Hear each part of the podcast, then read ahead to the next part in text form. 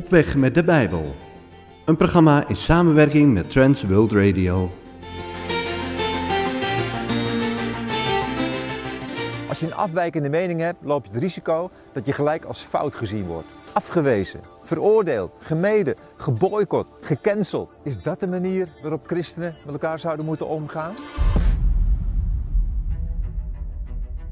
We horen steeds vaker de term cancelcultuur in de media. Het verwijst naar een vorm van negatief activisme waarbij mensen met afwijkende meningen en afwijkend gedrag worden aangevallen, veroordeeld en uitgesloten. Ook onder christenen zien we de invloed van deze cancelcultuur steeds meer toenemen. We lijken steeds minder goed om te kunnen gaan met onderlinge theologische verschillen en die zijn er genoeg. Denk bijvoorbeeld aan de discussies over kinderdoop of volwassendoop. Het koninkrijk van God reeds nu of nog niet. Is fysieke genezing in de verzoening begrepen? Dus kunnen we vandaag wel of niet fysieke genezing claimen? Speelt Israël wel of niet een rol in de eindtijd? En de vraag of we christenen met een homoseksuele levensstijl volledig moeten accepteren en ook hun huwelijken moeten zegenen, of dat een homoseksuele relatie als zondig moet worden beschouwd. We kunnen over veel zaken verschillend denken en het hoeft geen probleem te zijn. Maar ik merk dat de discussies over deze verschillen steeds scherper worden. Het ziet eruit dat de intolerantie ten opzichte van andersdenkenden steeds groter wordt, waarbij andere meningen als verkeerd worden beschouwd en fel worden bestreden. Als je een afwijkende mening hebt, loop je het risico dat je gelijk als fout gezien wordt. Afgewezen, veroordeeld, gemeden, geboycott, gecanceld. Is dat de manier waarop christenen met elkaar zouden moeten omgaan? De Bijbel leert ons toch dat er een fundamenteel verschil is tussen christenen en niet-christenen. Toen de Jezus hier op aarde was, sprak hij veel over onze levensstijl, over hoe we met elkaar zouden moeten omgaan. En met name in de bergreden geeft Jezus aan hoe hij wil dat de onderdanen van zijn koninkrijk leven. En hoe ziet het leven eruit? In één woord anders. Jezus legt de nadruk op dat zijn volgelingen, de burgers van het koninkrijk, totaal verschillen van andere mensen. Wij zouden moeten opvallen in ons anders zijn, als het zout van de aarde, het licht van de wereld, opvallend anders. En in deze tijd van verdeeldheid, polarisatie en verharding zouden juist christenen een heel ander geluid moeten laten klinken. Als je vindt dat iemands theologie verkeerd is, dan moet je diegene niet veroordelen en cancelen op sociale media. Jezus zelf geeft op dit gebied een totaal andere benadering. In Lucas 9, vers 49 en 50 zegt Johannes: Meester, we hebben iemand gezien die in uw naam demonen uitdreef. We hebben geprobeerd hem dat te beletten, omdat hij u niet samen met ons volgt. En Jezus zegt dan tegen hem: Verhindert het niet, want wie niet tegen jullie is, is voor jullie. Maar als iemand nou echt fout is, Jan, een verkeerde leer brengt, gezondigd heeft, wat doe je dan? Paulus schrijft aan de christenen in Galaten: Broeders en zusters, wanneer u merkt dat een van u een misstap heeft begaan, moet u, die door de geest geleid wordt, hem zachtmoedig weer op het rechte pad brengen. Dat betekent dat ik in verbinding met die ander moet komen, hem liefdevol in de ogen moet kijken en niet via de media of sociale media veroordelen moet wijzen. En Paulus schrijft dan verder: Pas op dat u ook zelf niet tot misstappen wordt verleid. Laat iedereen zijn eigen daden toetsen. Dan heeft hij misschien iets om trots op te zijn, zonder zich er bij anderen op te laten voorstaan. Want iedere mens draagt zijn eigen verantwoordelijkheid. Ik heb het voorrecht om op allerlei podia te mogen spreken. En laatst werd ik aangesproken door iemand die mij veroordeelde omdat ik op een bepaald podium had gestaan.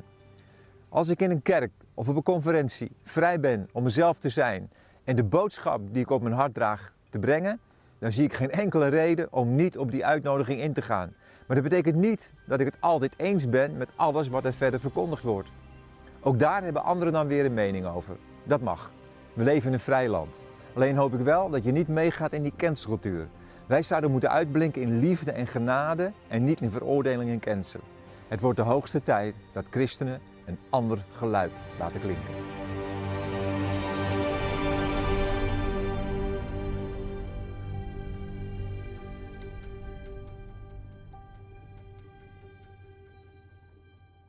Vrij zijn zomerweek 2014 namen zo'n 230 jongeren deel aan het jongerenprogramma dat geleid werd door Martin en Karen Koornstra met hun team van Royal Mission. Een fantastisch programma vol vriendschap en vakantie, discussie en devotie, sport en studie, film en ontbijt en natuurlijk heel veel gezelligheid. Samen gingen ze een bijzondere week tegemoet, waarin één aanraking van de koning op één moment werkelijk alles kan veranderen. Bij de volwassenen sprak Jan Pol naar aanleiding van zijn nieuwste boek over Gods buitensporige genade. Als die genade je hart raakt, dan verandert dat je leven radicaal. Hoe is het met jou? Ben jij diep geraakt door Gods genade? Misschien ken je de definitie van genade, maar is het ook echt tot je hart doorgedrongen? Ga lekker zitten, pak een kop koffie. Als u een Bijbel heeft meegenomen of uw iPhone of andere digitale, weet ik wat, eh, apparaatjes. eh, overal staan Bijbels tegenwoordig in. Lucas 19, we beginnen met iets te lezen uit de schrift, Lucas hoofdstuk 19. Het is een prachtig verhaal van een man die werd geraakt door de koning. One touch from the king. Zette een leven helemaal op zijn kop. En dat kunt u lezen in Johannes 19. Jezus ging Jericho in en trok door de stad. Dus Lucas, hoofdstuk 19, vers 1. En er was daar een man die Zacchaeus heette. Een rijke hoofdtollenaar. Hij wilde Jezus zien om te weten te komen wat voor iemand het was. Maar het lukte hem niet vanwege de menigte, want hij was klein van stuk. Daarom liep hij snel vooruit en klom in een vijgenboom om Jezus te kunnen zien wanneer hij voorbij kwam. En toen Jezus daar langs kwam, keek hij naar boven en zei: Zacchaeus, kom vlug naar beneden, want vandaag moet ik in jouw huis verblijven. Zacchaeus kwam meteen naar beneden en ontving Jezus vol vreugde bij zich thuis. En allen die dit zagen, zeiden morren tegen elkaar: Hij is het huis van een zondig mens binnengegaan om onderdak te vinden voor de nacht. Maar Zacchaeus was gaan staan en zei tegen de Heer: Kijk, Heer, de helft van mijn bezittingen geef ik aan de armen. En als ik iemand iets heb afgeperst, vergoed ik het viervoudig. En Jezus zei tegen hem: Vandaag is dit huis redding ten deel gevallen. Want ook hij is een zoon van Abraham. De mensenzoon is gekomen om te zoeken en te redden wat verloren is. Prachtig Bijbelgedeelte. Stel je nou eens voor dat je benaderd wordt door Spielberg, de bekende regisseur. Die kent u toch, die regisseur? Prachtige films gemaakt. En die benadert jou en die zegt: Ik wil graag een film maken en ik heb jou uitgekozen als hoofdpersoon. Hoe zou je dat vinden? Jouw leven staat centraal. Jouw leven zal worden uitgebeeld in deze film. Nou, ik denk dat je heel vereerd zou zijn, toch? Ik zou heel vereerd zijn. En hij doet contractbesprekingen met je. En je moet een contract ondertekenen. En je, weet je, je bent zo enthousiast. Jij, jij gaat de hoofdrol spelen in een film die overal te zien zal zijn. En je vergeet de kleine lettertjes te lezen. Dat kan gebeuren. Je zet je handtekening gewoon blind in vertrouwen. En in de, tijdens de première zit jij vooraan. Ja, met de prachtigste vrouw van de hele wereld, Marijke. En zit je opgewonden te wachten. En die hele bioscoop, man, is uitverkocht. En allemaal mensen die jou kennen. Familieleden, weet je. Alles zit erbij. Vrienden, iedereen die jou kent. En je zit opgewonden te wachten tot de eerste beelden verschijnen. En als de film zich dan afspeelt, dan wil je uiteindelijk maar één ding. Want wat heeft Spielberg gedaan? Die laat echt alles van je leven zien. Echt alles. Elke gedachte die je ooit over iemand gehad hebt. Elk woord wat je ooit gesproken hebt. Elk bezoekje op internet. Alles, maar ook alles gedetailleerd. Alles wordt te zien op die film. Wat zou er met je gebeuren, denk je? Hoe zou je je voelen? Te midden van je vrouw, je familieleden, vrienden. Ja, terwijl alles daar gezien wordt, alles wat jij gedacht, gezegd hebt, wordt daar tentoongesteld. Hoe zou je voelen? Ik denk dat ik maar één ding zou willen en dat is hard wegrennen. U ook? Ik zou hard willen wegrennen. Ik zou me rot schamen voor iedereen. En zal ik eens wat vertellen? Ja, Zo'n film is er van jou. Niet gemaakt door Spielberg, maar door God zelf. Er is een film van jou. En in die film die God heeft gemaakt, hè, die, die nog steeds gaande is, in die films weet God alles van jouw leven. God kent jouw film als geen ander. En daar komt hij. En hij houdt nog steeds van jou. Dat is zo. Dat is zo. Hij houdt nog steeds van jou. Hij weet alles. Hij weet alles. Weet je hoe ik dat noem? Dat noem ik buitensporige genade. Buitensporige genade. En ik heb soms de indruk dat veel christenen niet goed beseffen wat dat is om aangeraakt te worden door de buitensporige genade van God. Ik weet nog goed de eerste keer in mijn leven dat ik werd geraakt door die buitensporige genade. Ik was geen lieve jongen. Ik was met recht een zondaar die heel veel dingen heeft gedaan en deed die niet goed waren. En ik heb een ervaring met Jezus gehad op mijn slaapkamer. In de drie weken daarvoor had ik, het verhaal hebben sommigen jullie ongetwijfeld gehoord, eh, had ik discussies met Marijke gehad. Ik had Marijke leren kennen, was smoor verliefd over die God. En weet je, we hadden erover gepraat. En ik begreep er allemaal niks van. En het, er was maar één ding, weerstand in mij. Maar in mijn wanhoop ben ik in mijn slaapkamertje in mijn eentje, bijna 35 jaar geleden, op 22 augustus 1979, ben ik neergeknield in mijn slaapkamer, om 11 uur s avonds. En toen werd ik geraakt door de buitensporige genade van God. En het heeft mijn hele leven op zijn kop gezet. Wist u dat? Mijn hele leven. Op een onwaarschijnlijke manier.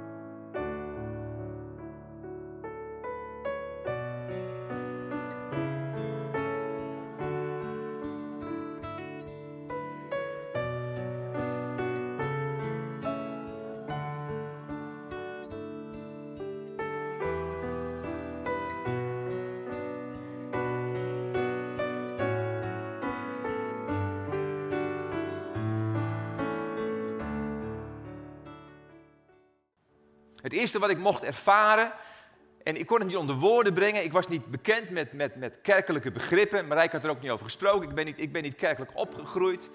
Maar het eerste wat er gebeurde is dat ik, dat ik werkelijk voelde, ervoer, dat al mijn schuld was weggedaan. Ik, ik had nog geen zonde beleden. Ik had nog geen zonde beleden.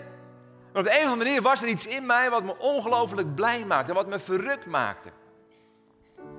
De volgende ochtend, toen ik wakker werd, had ik maar één gedachte. Ik wilde Marijke ontmoeten om haar te vertellen wat er gebeurd was. Ik wist, ik, ik, ben, ik ben aangeraakt door God, door Gods buitensporige genade. Er was wat met mij gebeurd.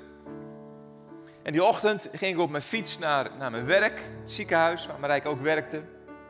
En Marijke woonde in de verpleegstersflat tegenover het ziekenhuis. En terwijl ik naar het ziekenhuis fietste, deed ik voor het eerst in mijn leven een schietgebedje. Ik dacht, nou ken ik hem, dus ik kan met hem praten. En ik zei, Heer, ik zou het zo heerlijk vinden als ik Marijke vandaag zou mogen ontmoeten. Om haar te vertellen wat er met me gebeurd is. En ik wist niet wat voor dienst had, of een late dienst, een vroege dienst, weet ik wat. En ik kom aan fietsen. En ik zie, terwijl ik aankom fietsen, Marijke oversteken van de overkant van de zusterflat. En ik roep haar, Marijke, ik moet je wat vertellen. Dus Marijke stopt, ik zet mijn fiets weg en ze staat daar. En toen zegt ze, nou, wat wil je vertellen? En ik kon even geen woorden vinden. Weet je, ik, ik, ik was niet opgegroeid met al die dingen. Bekering, wederom geboren, schoongewassen door het bloed van Jezus, wist ik veel. Wist ik allemaal niet, ik kende die taal niet. En ik stond tegenover haar en opeens in een flits wist ik wat er gebeurd was. En ik zei tegen Marijk, ik ben weer maagd. Ik ben weer maagd. En toen keek ze me aan en zei ze, man, verrek, volgens mij ben je bekeerd. Ja, en na die bekering kregen we ook verkering. Ja. En dat was zo'n bijzonder moment. Ik, ik, ik, ik, ervoer echt dat ik, dat ik rein was. Dat ik rein was. Dat is het eerste wat er gebeurt als je geraakt wordt door Gods buitensporige genade. One touch from the King. Er was geen plek meer voor schuldgevoel. Oh ja, ik heb wel spijt en berouw en verdriet gehad hè, in die periode daarna van de zonde die ik gedaan heb. Maar er was geen schuldgevoel. Er was geen schaamte. Ik was, ik was vrij. Ja, God hield van mij met zijn buitensporige genade. En, en ik wist in mijn hart, hij heeft mij alles vergeven. Wat een ruimte kwam er in mijn leven. Dan moet ik eventjes heel helder neerzetten dat, dat er niemand was die in mijn invloedssfeer was, die christelijk was, behalve Marijke. Ik was nog niet lid van een kerk. En Marijke heeft mij ook niets verteld. Zei niet, oké, nu ben je christen Jan en uh, ja, dan moet je toch een aantal dingen niet meer doen. Ja, en als je christen bent, dan rook je niet, dan drink je niet, dan vloek je niet. Ik vloekte bijna, maar ik zei, je vloekte bijna in elke zin. In elke zin vloekte ik. Ja. En je mag dit niet meer, dat niet Maar ik heeft het allemaal, hè, niet meer drinken en niet met vrouwen en weet ik wat. Ze heeft helemaal niks gezegd. Weet je wat ze deed? Ze liet Gods genade zijn werk in mijn leven doen. Na een paar dagen werd ik zo zwak en ik was een beetje onrustig. En ik ben naar mijn platencollectie gegaan. Ik had een hele collectie platen van die LP's. Die worden weer in trouwens, wist u dat? LP's is weer helemaal in, joh. Ik wou dat ik ze bewaard had. Nee, nee. En al die LP's. En er zat van allerlei muziek tussen. Goede muziek, gewone muziek, maar ook hele slechte muziek. En eerst ging ik selecteren. Ik, nou, dit is echt verkeerd, dat moet maar weg. En dat, ja, ik weet het niet, nou ook maar weg. En een paar moment dacht ik, weet je wat, ik gooi die hele platencollectie weg. Weet je, waarom? Ik wilde opruiming houden. Ik was geraakt door Gods buitensporige genade en dat leidde tot een radicale levensverandering in mijn leven. Een radicale levensverandering. Ik ben naar de keuken gegaan, dat was trouwens de volgende dag al. En daar had ik een behoorlijke voorraad drank. Wodka was mijn favoriete drank. Waarom? Omdat het goedkoop is. En ik had allerlei wijnsoorten en ik heb alles door de gootsteen gespoeld. Al mijn drank heb ik door de gootsteen gespoeld. Ja? Ik was totaal veranderd. Waarom? Door de kracht van Gods buitensporige genade in mijn leven. En ik liet mijn omgeving ook weten. Ja? Ik kon het ook niet voor me houden. Ze zagen het verschil. Mensen waren verbaasd. Mensen wilden het niet geloven. Dan moet ik even iets zeggen van mijn kennissenkring, van mijn vriendenkring. Ik had er nou, best wel redelijk beschaafde mensen onder. Leerkrachten, mensen in het onderwijs. Ik heb heel veel contacten mee, het ziekenhuis. Maar ik had ook andere contacten, andere kennissen, andere vrienden. Ik zal er een paar noemen. Het waren heftige jongens. Ja, Itte. Nou, ik zal even iets vertellen over Itte. Ik ben aan het werk als fysiotherapeut in het ziekenhuis en ik krijg een telefoontje van een afdeling. En uh, Jan, daar ligt hier ene meneer Itte van de W, ik zal maar even zijn initialen noemen. En uh, die, die, die heeft gezegd, wil jij tegen Jan Paul zeggen dat ik in het ziekenhuis lig op deze afdeling? En ik moest hem niet behandelen, maar dat was een, een vriend, kennis van mij. Dus ik kom aan en zeg, Itte joh, wat is er met jou aan de hand? Ik zeg, nou, ik ben gisteren geopereerd. Hij zegt, uh, ik heb een, uh, een, kogel door mijn, door mijn lies gekregen. Hoe kan dat nou? Ja, hij zegt van Frans. Ik zeg, Frans? Heeft Frans dat gedaan? Waarom man? Nou, hij zegt, ik had al een tijdje had ik een, een, een conflict met zijn neefje, Johnny. En nou, dat, dat, was, dat was al een poosje. En we waren, we waren gisteravond in, in een dancing en er gebeurde weer wat en ik kreeg ruzie met, met Johnny. En Frans die pakt opeens een pistool en die schiet me. Dat waren maten van elkaar, Frans en Itten. Die, die schiet me in mijn lies. Jo, is ook wat. Ja. Ja. ja. En nou, Frans was ook een hele, hele bijzondere man trouwens. Die ken ik ook goed, Fransie. En als die jongens iets hadden, dan kwamen ze altijd naar mij toe. Ze kenden mij, hè, dus als ze een blessure hadden, dan kwamen ze bij mij als fysiotherapeut. En Frans was ook een hele bijzondere jongen. Die reed in hele grote Amerikanen. Die zette hem overal neer waar hij dat wilde. En geen enkele agent, is echt waar, dorst hem een bon te geven. Ik bedoel, dat was in het korps, was dat, dat werd gelijk gezegd, die Frans Bulling moet je gewoon met rust laten. Moet je niet een bon geven. En uh, ik heb Frans een keer in behandeling, was tijdens een WK. En in die periode hadden we geen televisie op. Want ik had ook de televisie weggedaan, weet je, alles weg. Radicale opruiming, ik wilde niet meer met die wereld geconfronteerd worden. Maar goed, ik, het WK vond ik wel erg leuk. Dus Frans die begint over het WK. En uh, dit en dat. Ik zeg, joh, ik heb, ja, ik heb geen tv. En uh, komt de volgende dag komt die grote slee bij ons de Wilhelminenstraat. Hij past nauwelijks in de straat. Het is een grote Amerikaanse slee. En hij stapt uit en dan komt met een grote televisie komt hij, komt hij aanzetten. Ik heb maar niet gevraagd waar hij hem vandaan had gehaald. Dat is een beetje mijn kennissenkring. Jantje P, ik zal hem maar even Jantje P noemen. En uh, was ook zo'n bijzondere jongen. Die uh, ja, met zijn broer samen runde hij een, uh, een hoerentent. En ja, daar heb ik ook van alles mee beleefd met, met Jantje P. Ja, die heeft wel eens gezegd van Jan, joh, als jij ook zo'n allemaal lichtjes voor je kerk doet, dan kom ik wel eens een keertje kijken. Dus dat, dat, dat waren een beetje de, de, mensen die, die, die ik kende, waar ik, waar ik bevriend mee, uh, mee was, mijn kennissenkring. En ze hebben allemaal stuk voor stuk gezien en gehoord wat er met mijn leven gebeurd was. Een radicale verandering. Er werden weddenschappen afgesloten door mensen die niet geloofden dat het gebeurde. Toen ze hoorden dat ik trouwde, man, niemand wilde het geloven. Jan Paul trouwde, kan niet, met een christelijk meisje. Ja? Hij drinkt niet meer. Waarom?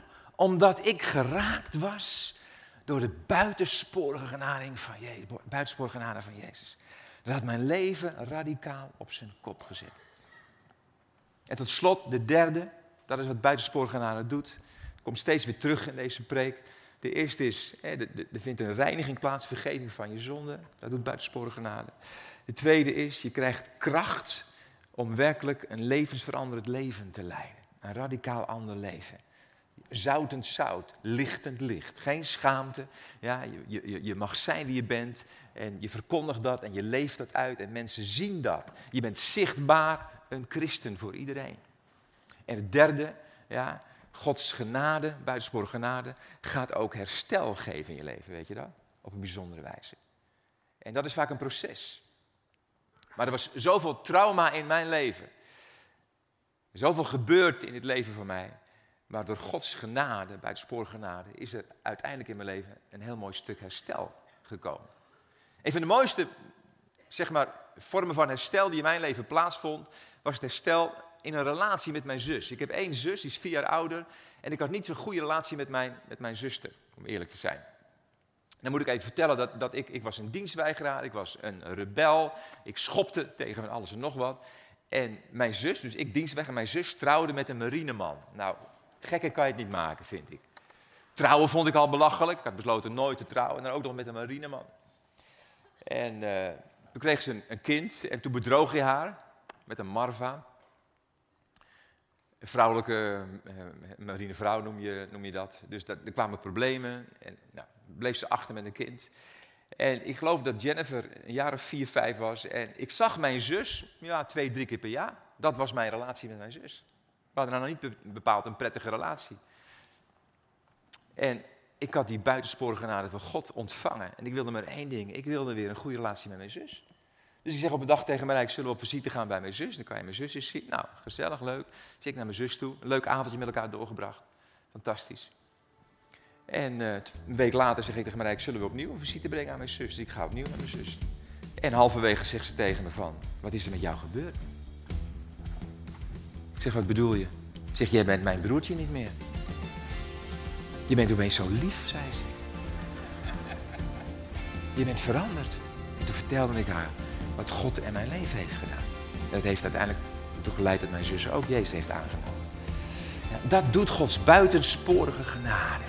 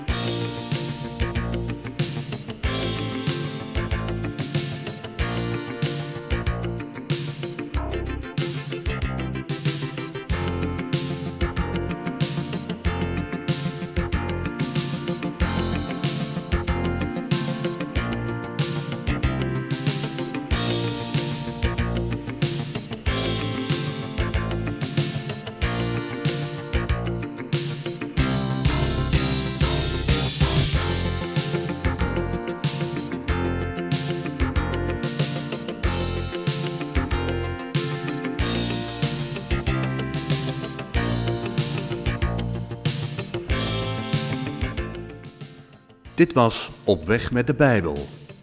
Een programma in samenwerking met Trans World Radio, Bron van Hoop.